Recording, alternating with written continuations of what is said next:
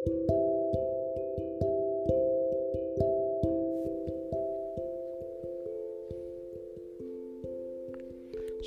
Bapak Ibu, Saudara-saudari semua yang terkasih di dalam nama Tuhan. Kembali lagi kita bertemu dalam seri firman Tuhan dari kitab Yesaya. Judul renungan pada hari ini adalah Allah sumber keselamatan Dan hari ini pembahasan kita diambil dari Yesaya 52 Kita akan memfokuskan pembacaan pada ayat 3 sampai dengan ayat yang ketujuh saya akan membacakan untuk kita semua Yesaya 52 ayat 3 sampai dengan yang ketujuh demikianlah firman Tuhan. Sebab beginilah firman Tuhan, kamu dijual tanpa pembayaran, maka kamu akan ditebus tanpa pembayaran juga. Sebab beginilah firman Tuhan Allah, Dahulu umatku berangkat ke Mesir untuk tinggal di situ sebagai orang asing, Lalu Asyur memeras dia tanpa alasan. Tetapi sekarang apalagi urusanku di sini, demikianlah firman Tuhan. Umatku sudah dirampas begitu saja. Mereka yang berkuasa atas dia memegahkan diri. Demikianlah firman Tuhan dan namaku terus dihujat sepanjang hari. Sebab itu umatku akan mengenal namaku dan pada waktu itu mereka akan mengerti bahwa akulah dia yang berbicara. Ya, aku. Betapa indahnya kelihatan dari puncak bukit-bukit kedatangan pembawa berita yang mengabarkan berita damai dan memberitakan kabar baik yang mengabarkan berita selamat dan berkata kepada Sion, Allahmu itu Raja. Berbahagialah bagi setiap orang yang membaca, merenungkan firman Tuhan siang dan malam, terlebih mereka melakukan firman itu dalam kehidupannya sehari-hari. Puji nama Tuhan. Bapak Ibu Saudara-saudara yang dikasih oleh Tuhan, di dalam kehidupan kita terdapat beberapa aturan keselamatan. Salah satunya adalah aturan keselamatan dalam berlalu lintas. Aturan tersebut dapat dilihat dalam bentuk rambu-rambu lalu lintas baik itu larangan, baik itu perintah ataupun peringatan. Aturan itu juga dapat dilihat dalam juga keselamatan berkendara. Contohnya, memakai helm ketika mengendarai motor atau juga memakai sabuk pengaman atau seat belt dalam mengendarai mobil.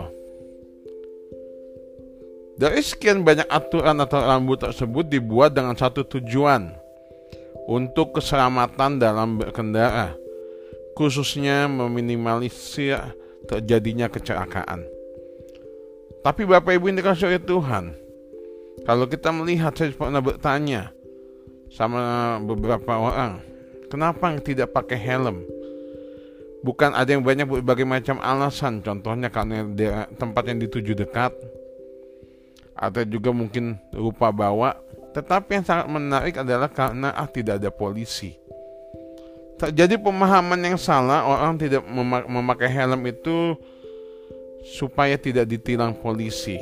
Ini yang mengakibatkan ada orang berpikir ah tidak ada polisi maka tidak usah pakai helm.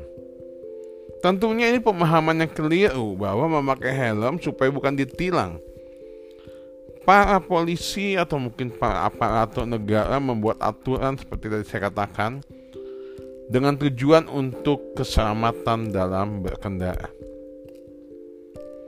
Bapak Ibu ini kasih Tuhan, keselamatan dalam contoh yang saya sebutkan tadi merupakan keselamatan diri. Tetapi dalam kehidupan rohani kita, keselamatan diperoleh dari Allah. Dengan kata lain, Allah merupakan sumber keselamatan bagi semua orang.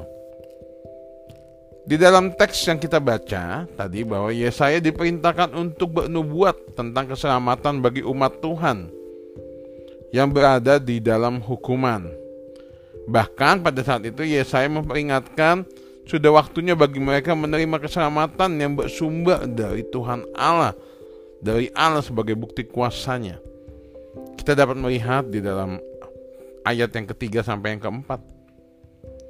Dengan pemberian keselamatan, umat Tuhan dibebaskan dari kekuasaan yang kejam dan penuh hujatan terhadap Tuhan agar mereka mengenal Tuhan di dalam ayat yang kelima sampai dengan ayat yang keenam.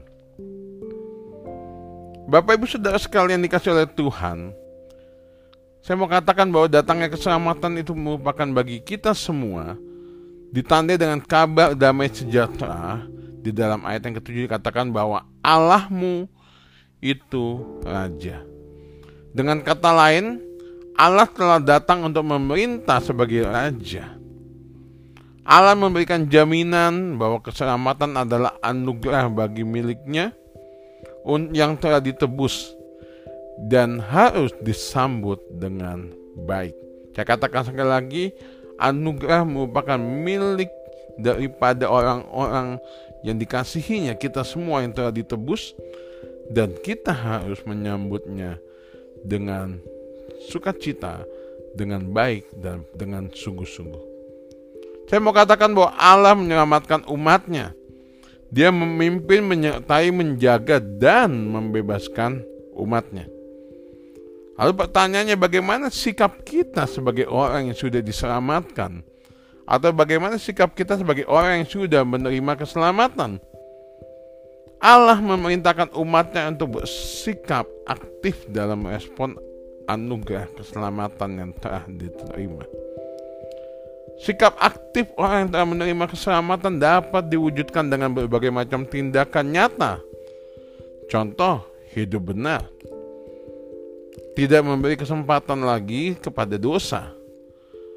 Dan yang berikutnya juga bisa dikatakan menjaga hidup yang sudah diselamatkan dari hal-hal yang tidak sesuai dengan kehendak Tuhan.